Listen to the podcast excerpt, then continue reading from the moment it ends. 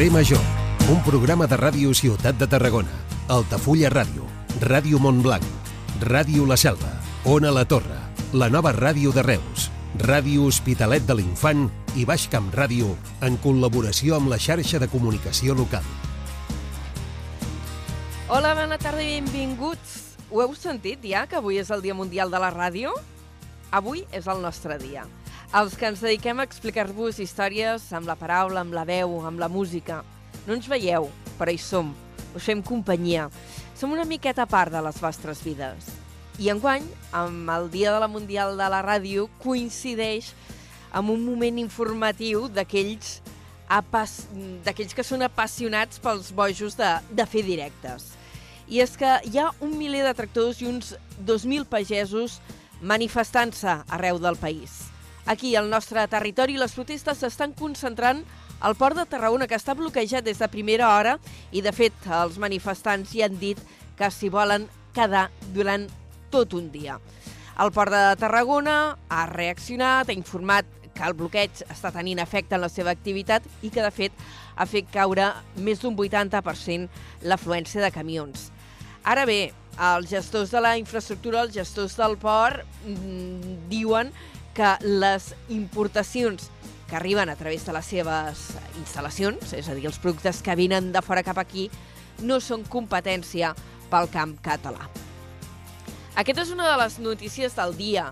L'altra, a nivell general, és que el Consell de Ministres ha aprovat eh, que el govern espanyol avali un 20% de l'hipoteca als joves menors de 35 anys i famílies amb menor a càrrec que viuen de lloguer i tenen problemes per accedir a un préstec bancari per adquirir el seu primer habitatge.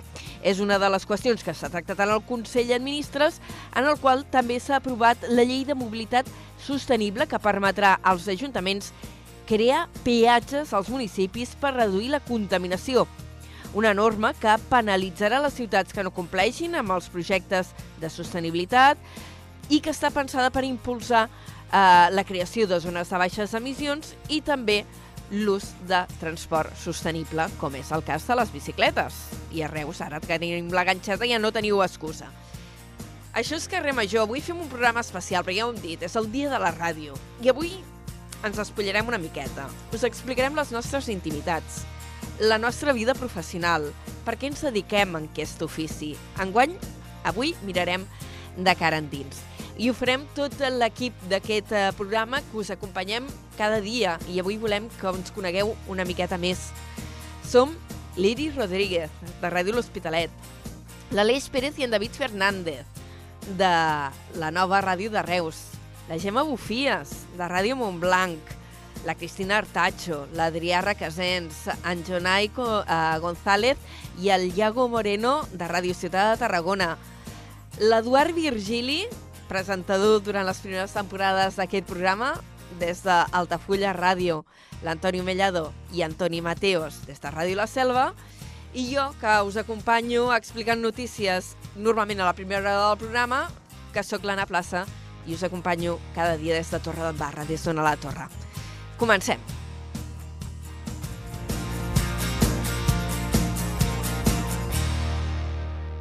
Carrer Major, Anna Plaza i Jonai González.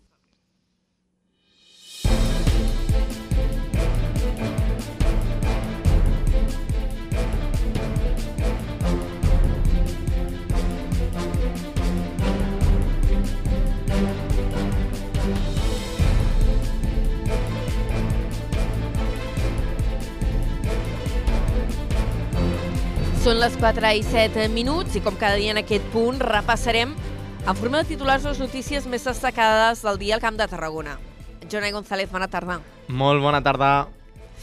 Ara us les avancem i les ampliarem de seguida, o sigui, fem com un informatiu convencional. Primer titulars i després notícies ampliades. I avui, a protagonisme evident pels pagesos de la demarcació de Tarragona que eh, des d'aquest matí estan bloquejant l'entrada del port de Tarragona i qui han dit que volen allargar la protesta durant un mínim de 24 hores. És una de les qüestions que han debatut en l'assemblea que han fet al migdia els agricultors vinguts de diferents punts del Camp de Tarragona, de les Terres de l'Ebre i també d'algunes comarques de Lleida. I el Port de Tarragona ja ha fet balanç de l'efecte que està tenint aquesta protesta. El bloqueig del pagès, dels pagesos ha fet caure, diuen, un 83% l'afluència de camions. Els gestors de la infraestructura han constatat que la presència dels tractors tallant els accessos principals ha permès només el pas de poc més d'un centenar de camions entre les 6 de la matinada i les 12 del migdia d'aquest dimarts. L'Audiència de Tarragona ha començat a jutjar l'exgerent de l'Oficina de Turisme de l'Espluga de Francolí aquest dimarts acusat d'agredir sexualment una treballadora amb seguida total. Fiscalia li demana 18 anys per un delicte continuat d'agressió sexual i li reclama 50.000 euros de responsabilitat civil tant a ell com a l'Ajuntament de l'Espluga. Port Aventura té un pla d'autoprotecció homologat però caducat des del setembre al desembre. La, la companyia ja va presentar l'actualització del document però encara l'està revisant Protecció Civil. N'ha informat l'Agència Catalana de Notícies arran de l'accident de diumenge en què van resultar ferides 14 persones, dues d'elles encara estan en estat crític. 32 ajuntaments i entitats empresarials de la demarcació i la Diputació de Tarragona han signat aquest matí una nova edició del conveni Corner. És l'acord de promoció conjunta que coordina el Patronat de Turisme de la Costa Daurada i de les Terres de l'Ebre. I en crònica local, l'Ajuntament de Reus ha adjudicat la redacció dels projectes bàsics executius per rehabilitar 10 blocs d'habitatges del barri Fortuny. La intervenció compta amb un pressupost total de 76.000 euros. Les obres de reparació del passeig marítim d'Altafulla podrien acabar aquesta setmana. Els treballs per reforçar l'escollera i arranjar el ferm de botigues de mar avancen a bon ritme. Si tot va bé, només faltarà col·locar una barana i refer els accessos a la platja. Són els titulars i ara entrem en detall. La primera notícia del dia, evidentment, pels pagesos de la demarcació de Tarragona, que des d'aquest dimarts al matí estan bloquejant l'entrada al port eh, i que volen allargar el tall durant un mínim de 24 hores. És una de les qüestions que han debatut en l'assemblea que han fet aquest migdia eh, els agricultors vinguts de diferents punts del Camp de Tarragona, de les Terres de l'Ebre i també de comarques de Lleida. L'han celebrada damunt un remolc de tractor aparcat davant l'entrada del peatge de la infraestructura portuària. Fins a aquest punt s'hi han concentrat vora 500 tractors. En l'assemblea s'ha decidit allargar aquest tall. Allà, el coordinador territorial d'Unió de Pagesos, Pere Guinovart, ha assenyalat que el port és el principal enemic dels pagesos. I som al port perquè és el nostre pitjor enemic que tenim. Al port hi entren tots, tots els productes, des de cereals moresc des de, des de vi, des de fruita dolça, des de fruita seca, tots i tots són competidors nostres, perquè la igualtat de condicions de produir no són les mateixes. Després de l'assemblea han començat a preparar el dinar i s'han instal·lat al mig de la 27 amb taules, cadires i barbacoes. Mentrestant, el port ha fet balanç aquesta actuació, calculant que aquest bloqueig, que s'ha iniciat a primera hora del matí, ha fet caure un 83% l'afluència de camions. Els gestors de la infraestructura han constatat que la presència dels tractors tallant els accessos principals ha permès només el pas de poc més d'un centenar de camions entre les 6 de la matinada i les 12 del migdia d'avui dimarts. Els responsables del Port de Tarragona han rebutjat les crítiques efectuades pels pagesos i asseguren que les importacions que hi arriben no tenen una afectació significativa per al sector. De fet, el director de Desenvolupament Corporatiu del Port, Joan Bassora, defensa que les importacions del port no constitueixen una amenaça pel producte nacional. En definitiva, eh, s'ha calculat que les necessitats del mercat espanyol constitueixen uns 25 milions de tones de cereals cosa que la collita doncs, eh, nacional no, no cobreix, ja que els darrers anys eh, s'ha vist afectada, per, sobretot per la sequera, després de tres anys consecutius de sequera, passant a ser a més de 9 milions de tones. En total, com dèiem, prop de mig miler de tractors s'ha apropat a l'entrada del port de Tarragona per fer aquesta mobilització amb afectació mínima al recinte portuari perquè, de fet, des del propi port ja havien avisat els transportistes d'aquesta manifestació.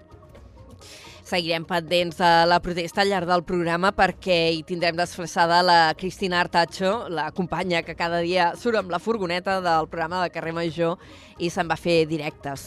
Avui doncs, el farà des d'allí, des d'aquests talls que estan protagonitzant Unió de Pagesos als accessos de, del Port de Tarragona i connectarem d'aquí una estona.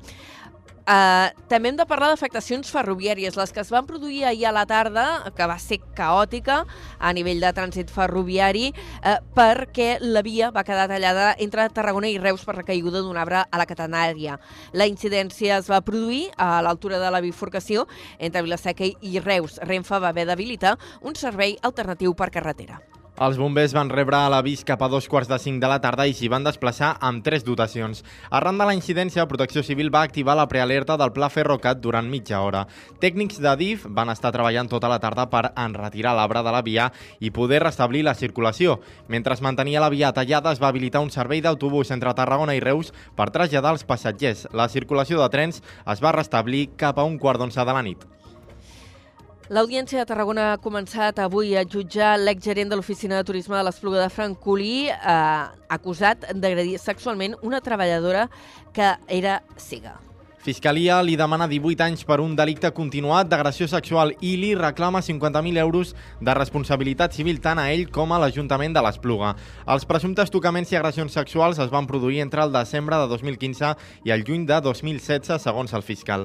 La dona va denunciar els fets el juliol de 2016 i la víctima declara porta tancada a través de videoconferència en aquesta primera jornada d'un judici que s'allargarà fins aquest dimecres. La declaració del processat serà l'última. PortAventura té un pla d'autoocupació homologat però caducat des del setembre. Al desembre, a finals de l'any passat, la companyia ja va presentar l'actualització del document, però Protecció Civil encara l'està revisant. N'ha informat l'Agència Catalana de Notícies arran de l'accident de diumenge en què van resultar, recordem-ho, ferides 14 persones, dues d'elles en estat crític. Recordem que el sinistre es va produir quan tot apunta que per la força del vent una branca va caure sobre una vagoneta de l'atracció Tomahawk. El pla d'autoprotecció del parc temàtic data de 2019 i va caducar el mes de setembre. L'administració recomana iniciar els tràmits d'actualització mig any abans de que caduqui per tenir temps de completar els tràmits. Inicialment, PortAventura va complir el calendari i va presentar el nou document l'abril de l'any passat, però setmanes després el va retirar i es va aturar la tramitació. Aquesta es va reprendre al desembre quan l'empresa va presentar un nou text que és el que s'està validant i que d'entrada presenta pocs canvis. A més de protecció civil, en aquest procediment intervenen els ajuntaments de Vilaseca i Salou que poden presentar al·legacions. D'altra banda, la demarcació de Tarragona del Col·legi de Periodistes de Catalunya ha criticat per aventura per la gestió informativa d'aquest accident, ja que es va impedir l'accés als mitjans a les instal·lacions. En un comunicat, el col·legi detalla que diumenge, el dia de l'accident, es va negar l'accés a tots els periodistes i fins i tot alguns van haver de pagar de la seva butxaca l'entrada al recinte per poder apropar-se al lloc dels fets. Ahir dilluns tampoc es va deixar entrar a la premsa i els mitjans només van poder tenir imatges de la zona de taquilles. També lamenten la manca de facilitats per accedir a la informació relacionada amb els fets. I una trentena d'agents de la Guàrdia Civil de Tarragona i Lleida han rebut formació específica per actuir, actuar davant d'amenaces nuclears, radiològiques, biològiques i químiques. Aquest contingent integrarà les primeres unitats de, la, de primera resposta davant de situacions de risc en estructures crítiques i estratègiques com són l'aeroport de Reus, el port de Tarragona, a més dels polígons petroquímics i les plantes atòmiques que tenim al territori. Aquests agents faran pràctiques de manera regular per detectar i neutralitzar aquest tipus d'emergències. També se'ls capacitarà per fer-se càrrec d'investigacions en l'àmbit de l'amenaça nuclear, radiològica i química.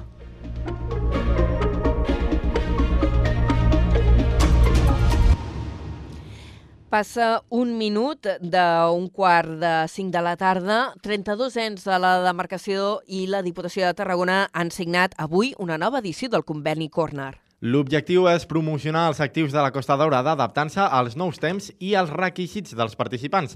Ens ho amplia des de Ràdio Ciutat de Tarragona, l'Adrià Duc. La presidenta de la Diputació de Tarragona, Noemí Llaurador, ha fet palès la importància de la cooperació i el treball conjunt entre els diferents signants del conveni.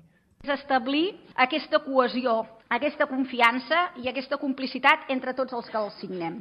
Crec que això també eh, ens enforteix de cara doncs, a, a promocionar-nos millor, a promocionar molt millor la nostra marca turística. I, evidentment, ens brinda moltes oportunitats el conveni. El conveni enguany arriba a la 19a edició i compta amb tres nous municipis signants, Valls, Salou i la Mancomunitat de Terres de Mestral. El president del Patronat de Turisme, Carlos Brull, ha explicat algunes de les novetats d'aquest any. En aquest exercici, a través del conveni Corner, prioritzem novament les plataformes, els continguts i la tecnologia digital per rentabilitzar el nostre impacte entre els mercats emissors prioritaris com Catalunya, Espanya i França. A més de la campanya i les accions de publicitat conjunta previstes, el conveni també inclou la participació en cinc fires internacionals, estatals i nacionals. La inversió global i conjunta que recollirà el conveni Corner 2024 serà de més de 400.000 euros, dels quals el Patronat de Turisme de la Diputació assumirà gairebé el 70%. Moltes gràcies, Adrià. Anem ara cap a Reus, on l'Ajuntament ha anunciat que s'ha adjudicat la redacció dels projectes bàsics per rehabilitar 10 blocs d'habitatges del barri Fortuny. La intervenció compta amb un pressupost total de 76.000 euros. Ens ho amplia des de la nova ràdio de Reus, en David Fernández. La tria del barri Fortuny per impulsar aquest projecte s'ha fet tenint en compte la configuració socioeconòmica del barri, el procés de deteriorament urbanístic i l'encaix del barri amb els projectes del creixement de la ciutat cap al sud. L'objectiu de la rehabilitació és millorar tant l'eficiència energètica, entre un 30 i un 45%, com l'accessibilitat i l'habitabilitat, instal·lant un ascensor exterior per cadascuna de les escales dels edificis i, per últim, es portarà a terme la urbanització dels carrers. L'abast de l'actuació està pendent de definir en funció dels ajuts Next Generation que l'Ajuntament de Reus espera obtenir a través de diverses línies de subvencions.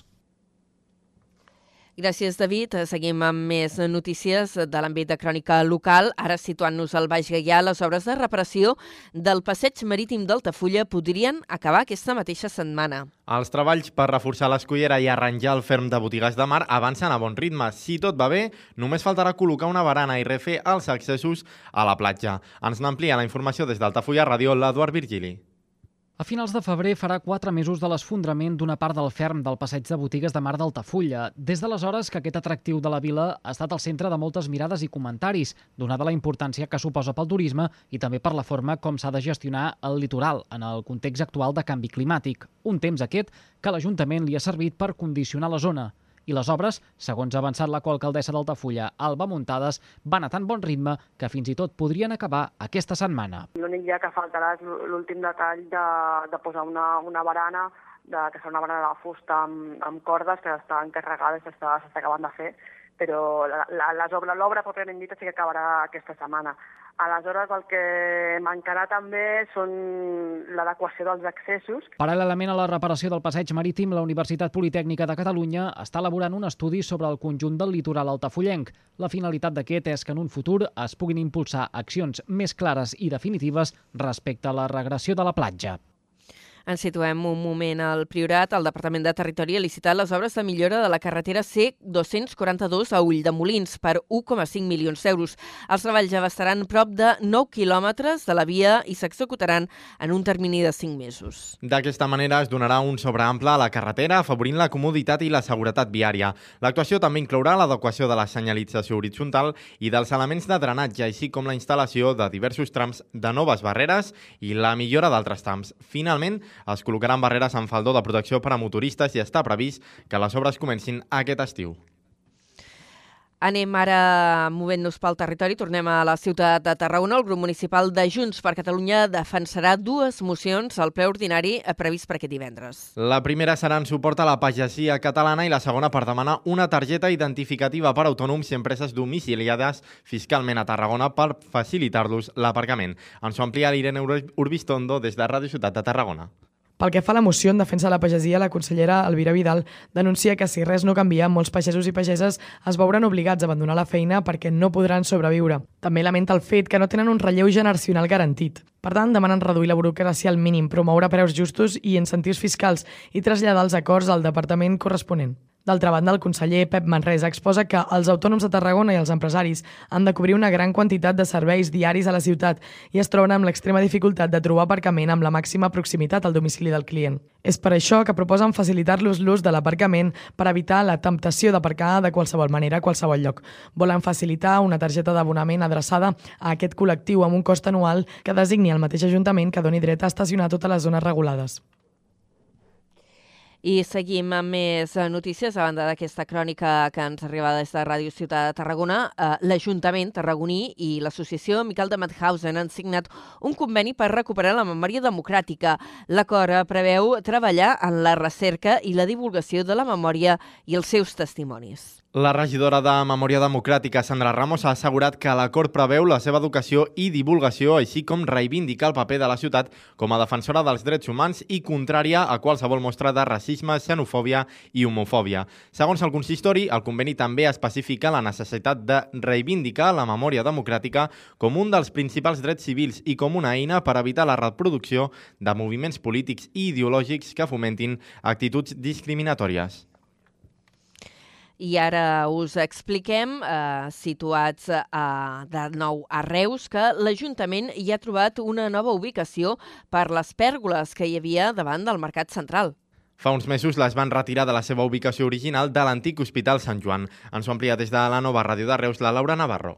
El passat mes de setembre es va iniciar el desmantellament de les pèrgoles que hi havia instal·lades davant de l'antic hospital de Sant Joan de Reus, a la vorera del Mercat Central. Des de que van comunicar la intervenció, l'Ajuntament de Reus va assegurar que les traslladarien a un altre indret de la ciutat. Segons ha pogut reconèixer reusdigital.cat, el govern de la ciutat s'hauria compromès a que lluiran al Parc de Mas Iglesias. L'Ajuntament vol aprofitar la infraestructura com a refugi climàtic en un espai on s'ha treballat en la millora del seu mobiliari urbà i ara fa uns dies s'ha inaugurat ja el remodelat Roserà de Joaquim Agallissà. Tot plegat segueix la línia de l'acció del govern que aposta pel creixement de la ciutat per la zona sud principalment. Cal recordar que en els pròxims anys, entre altres actuacions, s'hi comptarà amb l'estació de tren de Bellicens, una nova escola bressol municipal, més de 130 habitatges de protecció oficial i amb la reurbanització de l'entorn del Mercat del Carrilet, que uneix el barri de Mas Iglesias amb el centre de Reus. I parlem ara d'un servei públic de mobilitat. Els alumnes de la urbanització de Brises del Mar d'Altafulla tindran servei de bus per poder anar a l'institut. El Consell Comarcal del Tarragonès oferirà una parada en aquesta urbanització en col·laboració amb l'Ajuntament d'Altafulla. Ens en dona més detalls des d'Altafulla, Ràdio La Carol Cubota. Els joves de Brises del Mar que estudien a l'Institut d'Altafulla podran usar l'autobús escolar que el Consell Comarcal del Tarragonès posa a disposició dels veïns de la Riera, la Nou o Salomó per desplaçar-se fins al centre altafullenc. D'aquesta manera s'aprofitarà el trajecte que passa per davant mateix de l'urbanització per poder-hi recollir els alumnes també de Brises que fins ara no tenien cap opció de transport públic a l'abast tot i el pas regular d'aquests autobusos per la zona.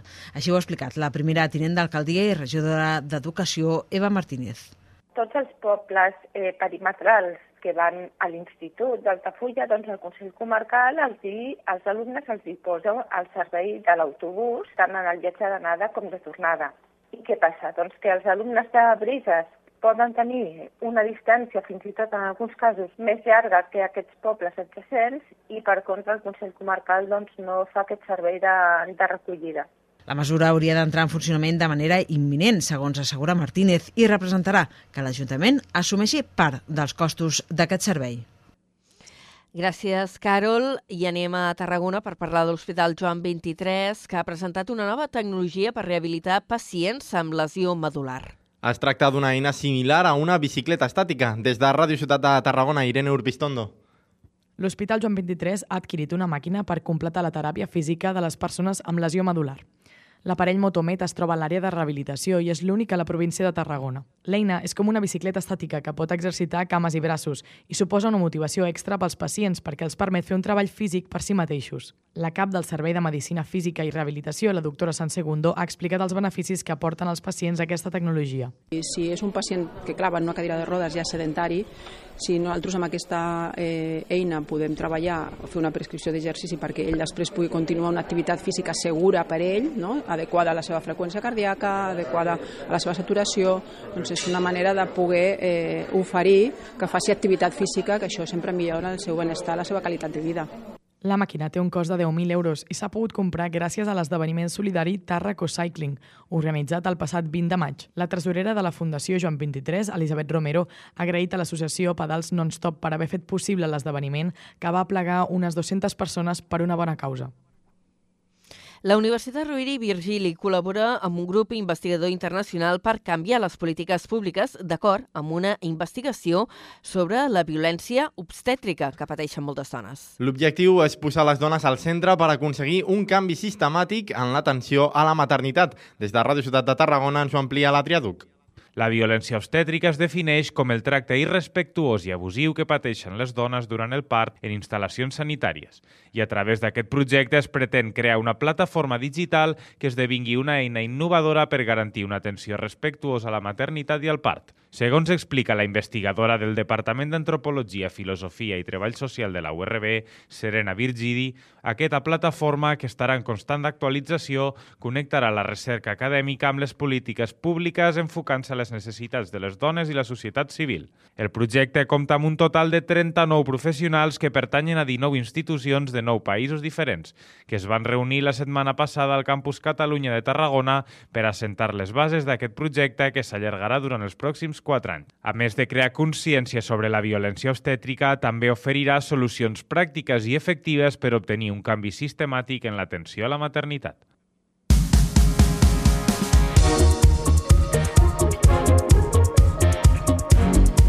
Anem a parlar d'esports. Avui amb un apunt eh, pel futbol platja, que ja ho sabeu que té eh, jugadors destacats, sobretot a Torre d'Embarra. La Beach Soccer Worldwide entregava ahir dilluns els seus guardons anuals en una gala que es va celebrar a Dubai la, a Dubai, volem dir, la Beach Soccer Stars. Entre els nominats hi havia dos torrencs, Llorenç Gómez, que optava al Premi a millor entrenador del món, i Elliot Munut, que era finalista al de millor porter.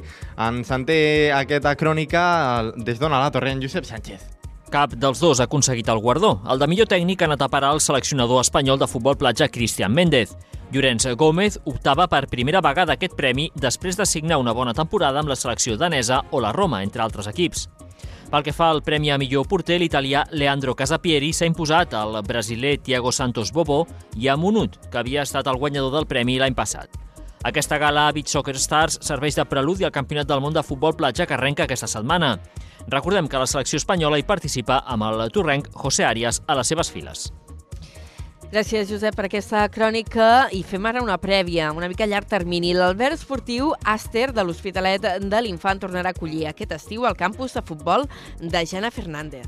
Els i les participants podran compartir moments amb aquesta jugadora del primer equip femení del Futbol Club Barcelona en aquesta estada prevista del 24 al 29 de juny.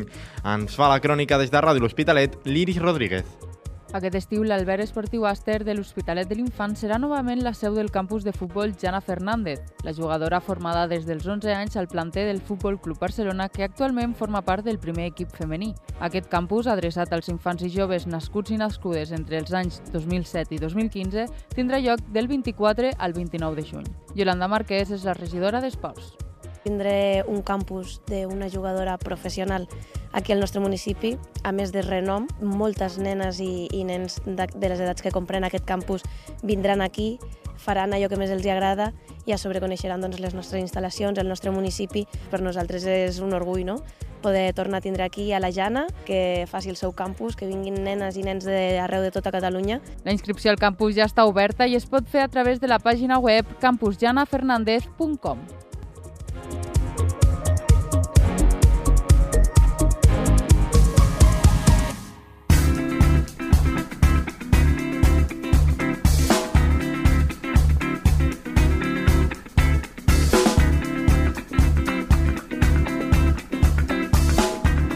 I en cultura ens situem en primer lloc a Reus per explicar-vos que el cicle anual Circ Llunar amplia el nombre d'escenaris. Aquest any la mostra surt de la Palma i dels centres educatius i també es programa en teatres i altres espais de la ciutat. Ens ho explica des de la nova ràdio de Reus, l'Àlvaro Martín. La quarta edició del Circ Llunar de Reus, que programa un espectacle de circ gratuït al mes, vol obrir-se més a la ciutat, fent un total de 10 actuacions en ubicacions properes a la ciutadania. Els escenaris d'enguany seran 8 escoles, al Teatre Bartrina, que servirà com a tancament del programa amb l'actuació a la Circo del grup Aja Circo, que tindrà lloc el 21 de desembre. La novetat d'aquest any serà l'actuació de Tal Palo de Fisgoneo, que estrenarà al Mercat del Carrilet com a escenari el 19 de juliol, sent l'única actuació que es realitzarà en divendres, diferenciant-se de les altres que es realitzaran totes en diumenge. Daniel Ricassens, regidor de Cultura de Reus. Sabeu que vam començar el cicle a la Palma, que per nosaltres també era volíem anar fent una mica aquesta parròquia de circ, però eh, ens interessava també molt més que fos present a tota la ciutat i d'aquí que triéssim les escoles, sense una voluntat eh, d'arribar absolutament a totes en tot moment, sinó de que eh, pugui anar tenint presència en tots els espais de la ciutat. Una de les novetats d'enguany serà una biblioteca mòbil especialitzada en circ, que anirà a cada un dels espectacles que s'efectuen a les escoles. Moltes gràcies i acabarem apuntant que una formació vinculada a, al nostre territori, perquè alguns d'ells s'han format aquí i a més porten el nom de Uh, Robert Gerard, compositor il·lustre ballenc. El quartet Gerard presenta un nou disc que es titula Ad Astra, amb textures i colors dels conjunts de Debussy i Domet. En aquest cas, es tracta d'un compositor català que té com a punt de partida una observació d'estels condicionada a, per la boira. Una obra, la de Humet, que han pogut treballar conjuntament per fer realitat aquest enregistrament. Dit això, tanquem l'informatiu, fem una parada mm, en el programa especial d'avui de Carrer Major, coincidint amb el dia internacional de la ràdio. Ens reorganitzem. Ara saludo de seguida Toni Mateos. Estàs escoltant Carrer Major.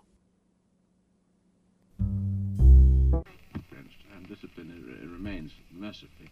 Yes, and, and neither would you, Derek, this star nonsense. No, it is it. I'm sure of it.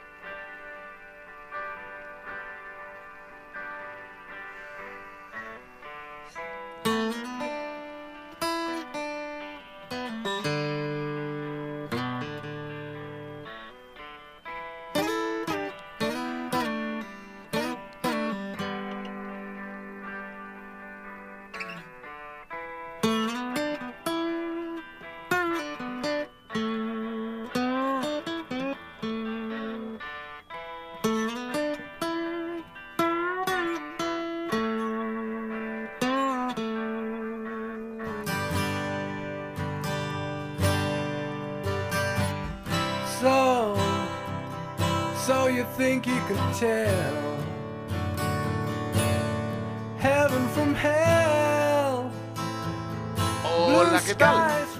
Avui, 13 de febrer, és el Dia Mundial de la Ràdio. Aquesta data es celebra des de 2011, fa poquets anys, i va ser proclamada per la UNESCO eh, que serveix per commemorar el naixement de Ràdio Nacions Unides, un mitjà, la ràdio, que aquest 2024 compleix 100 anys al nostre país. Concretament, al gener del 1924 a Reus es va fer la primera emissió radiofònica local. La secció científica del Centre de Lectura de Reus va fer aquesta primera emissió al Teatre Bartrina. Oficialment, la primera ràdio del país i de l'Estat amb llicència seria Ràdio Barcelona, que va néixer al novembre del 1924, però, per cert, la primera veu, la d'una dona, la de la Maria Sabater. Reus, amb la creació de Ràdio Reus, el 1925, va ser la primera emissora del sud de Catalunya. Avui, com ha dit l'Anna Plaça, és un dia molt especial, de festa i celebració per nosaltres. Volem fer un programa especial de carrer Major. Parlarem amb les veus del programa, amb els nostres redactors. Els coneixerem una mica més.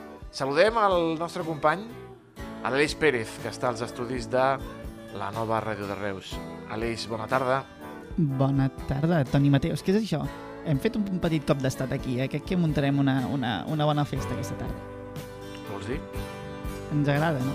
Celebrar també Ah, una no, mica. el Sarau jo m'apunto, eh? La revolució, a la revolució jo, jo m'apunto, jo m'apunto. Doncs, una- eh, amics i amigues, eh, siguin molt benvinguts al carrer Major, coneixerem una mica més els nostres eh, redactors, els nostres companys, i anem amb la primera, amb l'Anna Plaça, que ha escollit una cançó del Tony Bennett. Oh, que bonica, que bonica, que bonica.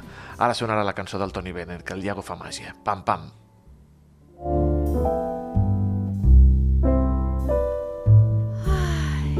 Ai, com sospira. Someday, Ah. when I'm awfully low, Anna Plaça, bona tarda. Ai, Mateos. Tu saps, tu saps el que és el- l'efecte Tony Bennett? No? Què? Mira, hi ha una pel·li que es diu... Existeix? Sí, sí, sí, sí, sí. sí. Ui, ui, ui. Digues, digues. Hi ha una pel·li que es diu Una teràpia peligrosa, amb el Sí. Robert De Niro, Sí. amb el Billy Crystal, me sembla que és el Sí, Billy amb, que és un mafiós que se'n va al psiquiatre, no? Correcte. Vale? Correcte. I el Billy Crystal, en la, aquesta Sí. pel·lícula, era molt fan de Tony Bennett i, finalment, el Robert De Niro li regala un concert privat de Tony Bennett I es tranquil·litza. i es tranquil·litza. Bueno, no, no, li regala amb ell, al, al, al psiquiatre. Li regala Ah, un val. concert de Tony Bennett. I llavors, en el guió, estava escrit que eh, era un concert de Tony Bennett i estava tot escrit i tot rodat, menys la part de Tony Bennett. I quan van arribar al senyor Tony Bennett i li van dir senyor Tony Bennett, senyor Tony Bennett, que ha de sortir vostè en una pel·lícula? I Tony, Tony Bennett va dir voleu a Tony Bennett? Pagareu per Pagueu. Tony Bennett. I li van I pagar què? més li van pagar més que a Robert De Niro i a Billy Crystal. Toma Què ja. et sembla? Pallollers. Toma ja. Pallollers. Per què has escollit el Tony Bennett? Perquè amb aquesta música vaig fer una de les meves primeres pràctiques de ràdio a la universitat. Què et sembla? Havíem de fer... Ens posa... Mira, ara és, és professor a la Universitat Rovira i Virgili, el profe que vaig tenir jo a l'Autònoma, amb aquesta pràctica, el Toni Pérez Portavella. I havíem de fer un exercici per treballar veu i música de manera conjunta, que havíem de triar mm, dos músiques antagòniques amb dos textos antagònics d'un mateix tema i ho havíem de fer per parelles, i ho feia amb un company meu de classe, molt, molt bon amic, que encara som amics ara més de 20 anys després, amb en Javi Figueres, i parlàvem de l'amor. I jo llavors estava enamorada, ell no, deia que no hi estaria mai de la vida, mentida, es va acabar enamorant, i ell va fer uh, el seu text amb una música de West Side Story i jo que regalimava mel per tots els poros del cos amb aquesta cançó de Tony Bennett. Anna Plaza, comentaves això de la, aquesta anècdota a la universitat. De quin any estem parlant? Quan vas començar a fer ràdio? Uh, aquesta pràctica devia ser l'any 96 i avui el que passa... Sí, clar, és que Bé, bé, soc, 96 bé. soc velleta. Tu havies nascut? Què va? No, no, Què no. va? Estava en el projecte. No, no. Ai, i no havies ni nascut, mare de Déu, si podria ser ta mare. I mm, les primeres, diguéssim, el primer exercici professional fora de la universitat, Punt 6 Ràdio, 1997. Tinc, tinc el caset al bolso, eh? Vaig anar a rescatar casets i volia posar algun àudio d'aquella Anna joveneta de 19 anys que començava a sonar per les ones arcianes del Camp de Tarragona, però eh, no m'ha donat temps. Així de clar us ho dic. El dia se m'ha menjat. Però tens unes cintes, tens la teva l'enregistrament de les teves primeres doncs, Oh, doncs, aparicions en, en, en directe. amb caset, amb caset, amb, juntament amb Elisabet Rofes, que ella, ella m'ajuda a la part de control tècnic, que Elisabet Rofes va estar treballant a la SER, va estar treballant a, a Ona Catalana i que actualment és professora als estudis d'imatge i so de, de l'Institut Pere Martell. Va passar a l'àmbit de la docència. Com et Sí, vas sí. enamorar de la ràdio a la plaça? Ai, sempre he sigut oient de ràdio. A casa, la meva mare anava sempre amunt i avall amb un transistor, que encara existeix, jo diria que encara funciona, Mhm. des de la prehistòria, amb pedals, més o menys, eh, que no tenia ni FM, anava amb ona mitjana, i que l'acompanyava per tota la casa, ara no sé per què no el posa. I escoltava Ràdio Nacional, ella. Ella era, bueno, potser perquè era gairebé l'únic que plegava per ona mitjana, i, i clar, jo ja de petiteta, per exemple, escoltant Javier Sardà i el senyor Casamajor, que em tenia com a molt fascinada, i després quan vaig començar a escoltar jo ràdio, mmm, bueno, amb l'adolescència, als 40, no? És el que toca. Ràdio Valls. Me recordo que a la nostra generació estàvem tots enganxadíssims a un programa participatiu de música de Ràdio Valls. Després ja vaig passar a Catalunya Ràdio, em vaig enamorar del cinema, escoltava moltíssim el Gorina, i així. Que bonic. Que voleu plorar? No, no, no, no, no, no. no, no és, la primera, vegades, és la primera entrevista. És que, a vegades no... penso que no sé fer res més. Fa des de que tinc 19 anys i en tinc 45. Déu-n'hi-do, déu nhi I tants anys a la ràdio, què és el millor i el pitjor de la ràdio o del mitjà?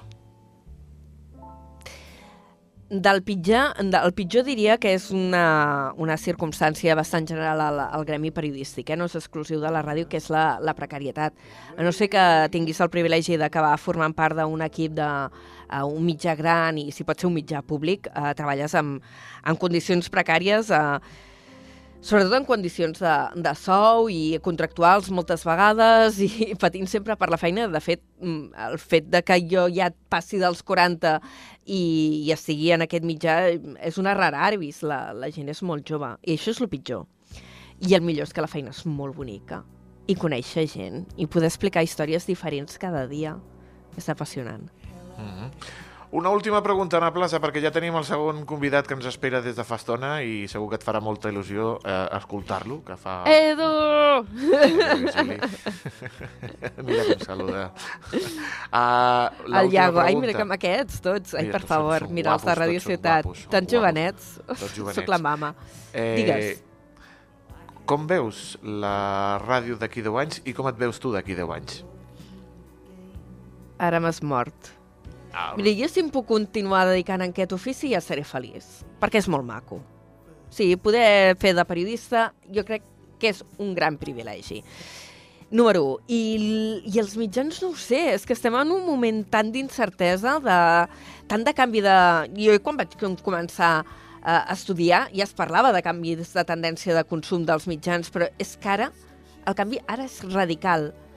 La gent escolta ràdio convencional o escolta podcast? De quina manera ens escolta? Com accedeix a nosaltres?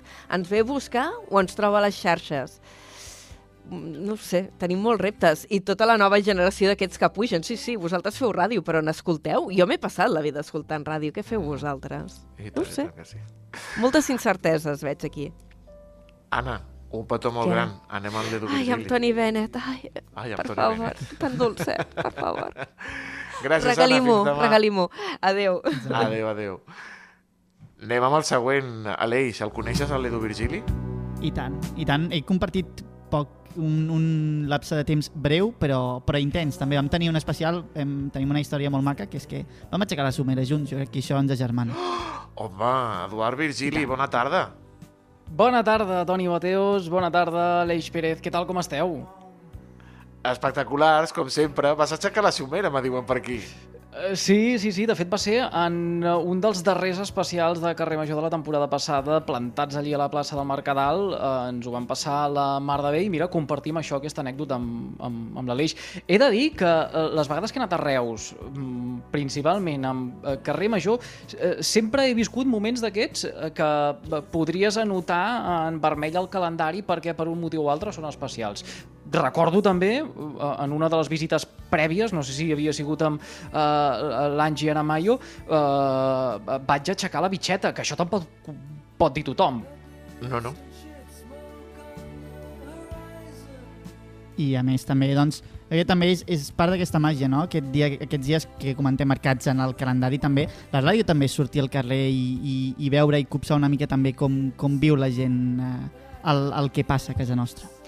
La, la ràdio és aquesta immediatesa eh, que no té cap altre mitjà.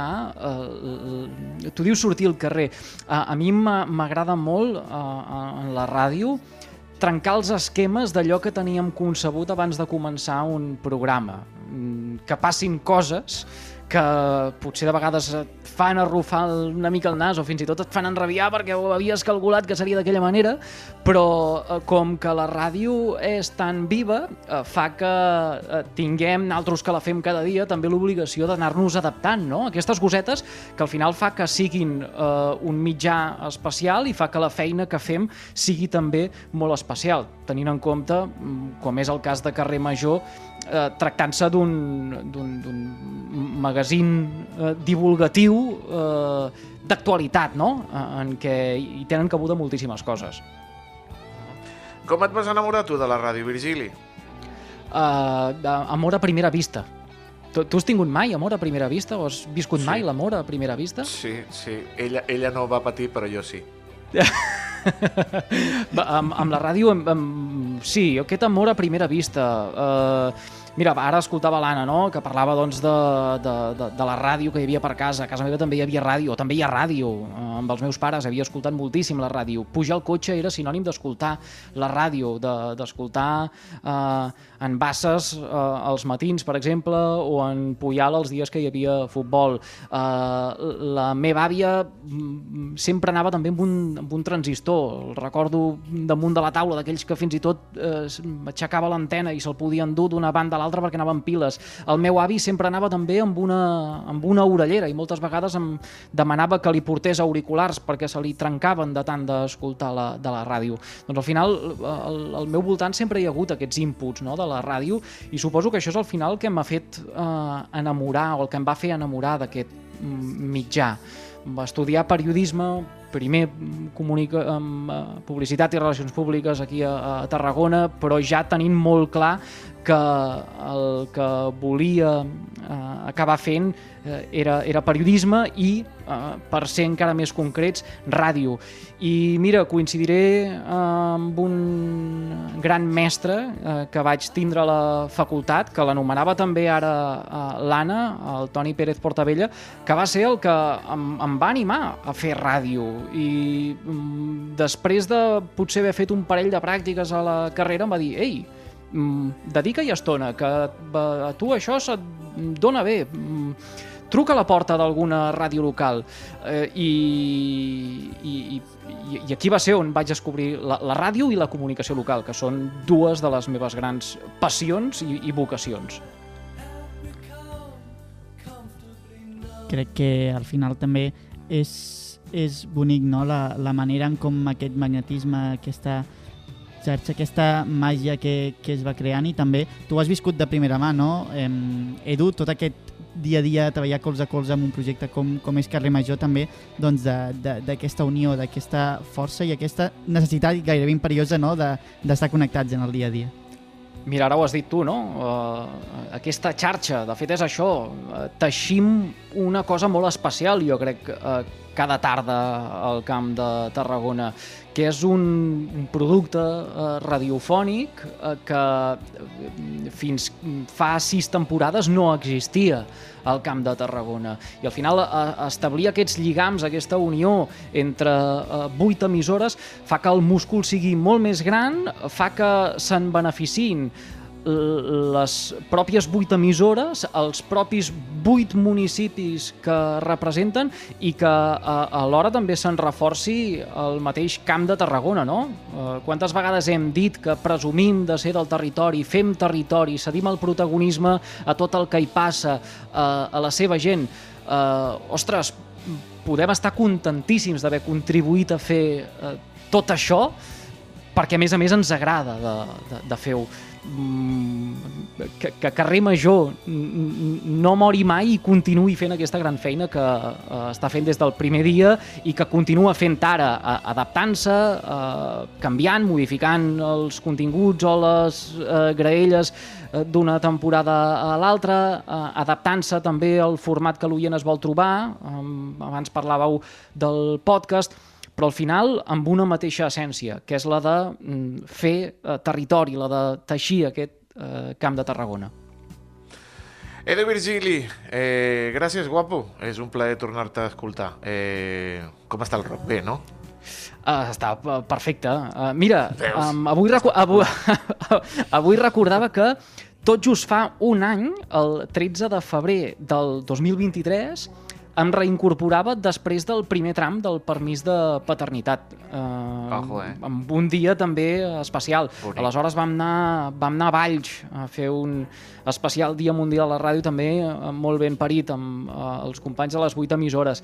I, I aquesta temporada les circumstàncies són unes altres. M'he reincorporat eh, ara fa no gaire, després d'aquest segon tram del permís de paternitat, i les obligacions són les que són, però us he de confessar que eh, us segueixo a les tardes, vaig eh, llegint-vos eh, xarxes socials i recuperant tot aquest fart de continguts que no deixen ningú indiferent i que queden a la carta a disposició de tota l'audiència. Edu Virgili, abraçada molt gran. Gràcies. Eh, una abraçada, guapo. Una, una abraçada ben forta per tots vosaltres. Que vagi molt bé, molt bon dia Gràcies. mundial a la ràdio. Bon dia mundial de la ràdio. d'Altafulla saltem cap a Tarragona. Ai, anem a Ai, Ràdio Ciutat ai. de Tarragona. Mm. Amb un dels homes més sexis del Camp de Tarragona. T'has passat, Bueno, eh? No ho sé. M'he Eh. passat. Junai. Ha posat en veu més greu, eh, inclús, també. Hola, hola, hola. Eh, T'has passat. Bona tarda, Junai. Molt bona tarda, molt bona tarda. T'ha agradat això de lo- un dels homes més sexis del Camp de Tarragona, no? Sí, perquè sempre et dona vidilla, saps? Tu creus una mica i després ja... Abans li hem preguntat a l'Anna Plaça què és el millor i el pitjor de la ràdio. T'ho pregunto a tu també, què és el millor i el pitjor de la ràdio o del mitjà? Uf, jo, el millor de la ràdio crec que és la, la gent que coneixem tant dins de la ràdio, em, em refereixo als companys, doncs, per exemple, vosaltres, no? els companys que tenim aquí també a Ràdio Ciutat de Tarragona, que al final eh, ens aguantem dia a dia no? i sabem també pel que passem i ens ajudem sempre, ens fem aquest cop de mà, i també les històries que expliquem de la gent fora de la ràdio. No? Mm, Fa dues temporades estava fent la secció dels, dels ODS, vaig conèixer un munt d'històries també de gent del territori que d'una altra manera no hagués conegut i coneixes gent realment eh, que fa una tasca molt admirable. I el pitjor de la ràdio no et sabria dir, però crec que hi ha moltes vegades que som nosaltres mateixos també, que ens fiquem aquestes pedres, aquestes pal a la roda, no?, que diem moltes vegades, i igual que som molt amables entre nosaltres, també hi ha vegades que ens tirem aquestes pedres sobre la nostra, sobre la nostra taulada. Clar, perquè al final, Jonai, no deixem de ser persones, no? Ens pot emocionar una història que expliquem, eh, podem tenir un dia complicat, al final, doncs, som molt més que una veu que sona a través del micròfon, no? Som també unes persones amb els nostres dies bons, els nostres dies dolents, i jo crec que no som de pedra, no? Al final també ens, ens marquen les coses que, que fem aquí el, cada dia a la ràdio de proximitat. Mm -hmm. Sí, a més, crec que algun dia ho vaig comentar amb, amb tu, Aleix, fora, de, fora dels programes i així. És molt difícil a la nostra feina desconnectar quan estem fora de la ràdio i moltes vegades és molt difícil compaginar-ho amb la nostra vida personal. Sembla molt bonic tot, no? Sempre quan estem al, als micròfons, a les càmeres, però hi ha moltes vegades que la nostra càrrega personal també ens afecta en el nostre dia a dia, tant laboral com al revés. La nostra càrrega laboral que la portem després al nostre dia a dia personal. I hem d'intentar aquest equilibri, és molt difícil, crec que a la nostra professió, segurament també en d'altres, però a la nostra moltes vegades és complicat. La ràdio canvia cada dia. Eh, com et veus tu d'aquí 10 anys i com veus tu la ràdio d'aquí 10 anys, Jonai? Uf. No sé com em veig d'aquí 10 anys, sé que em veig fent periodisme, segur, però no sé com em veig jo d'aquí 10 anys, perquè eh, és el que dius, canvia tot molt ràpid i estem veient no, la forma de, de fer ràdio d'aquí... Bueno, fa 5 anys ha canviat totalment el, el que estem fent avui dia. I jo crec que d'aquí 10 anys la ràdio també pot fer un gir eh, de 180 graus però també crec que, tot i que està fent un, un gran canvi i aquest, eh, aquest naixement del podcast, tot té cabuda. Al final hem de deixar també que la gent escolleixi i és el que, el que ens fa també tenir aquesta, aquestes decisions, no? De que algú escolti un podcast quan tu vulguis, però la ràdio també sempre ens acompanya per aquests moments com, per exemple, avui els directes d'Unió de, de Pagesos o altres coses del dia a dia que hem de comentar sempre en directe. I en un minutet, que és el que ens queda fins marxar la publicitat, com veus tu carrer Major d'aquí 10 anys? Uf, no ho sé, no ho sé, és molt difícil, però si seguim tenint aquest equip amb ganes de fer coses, amb ganes de fer créixer el que es fa al territori donant veu, jo veig un programa que si ja ens han donat algun premi, veig que pot caure algun altre d'aquí dos anys, seguríssim, perquè fem un molt bon equip i jo crec que aquestes ganes és el- és l'únic que no es perdrà de carrer Major. Pot canviar el format, com aquest any, o poden canviar les seccions, però les ganes que tenim des de les emissores del Camp de Tarragona, la unió i el nexe que, que tenim és el que ens ha fet i el que ens farà d'aquí dos anys continuant fent aquesta gran feina que fem. Somiem a lo grande, vamos a por el Ondas, vamos a Sempre. por el Ondas. T'imagines? Junai, gràcies, una abraçada molt gran fins a Ràdio Ciutat de Tarragona. Una abraçada molt gran a tots. Adéu. I Aleix, tornarem després de la pausa, ja ho saps, a les notícies, Pausa tornarem informatiu. amb més, exacte, amb més protagonistes del carrer Major, en el especial de ràdio.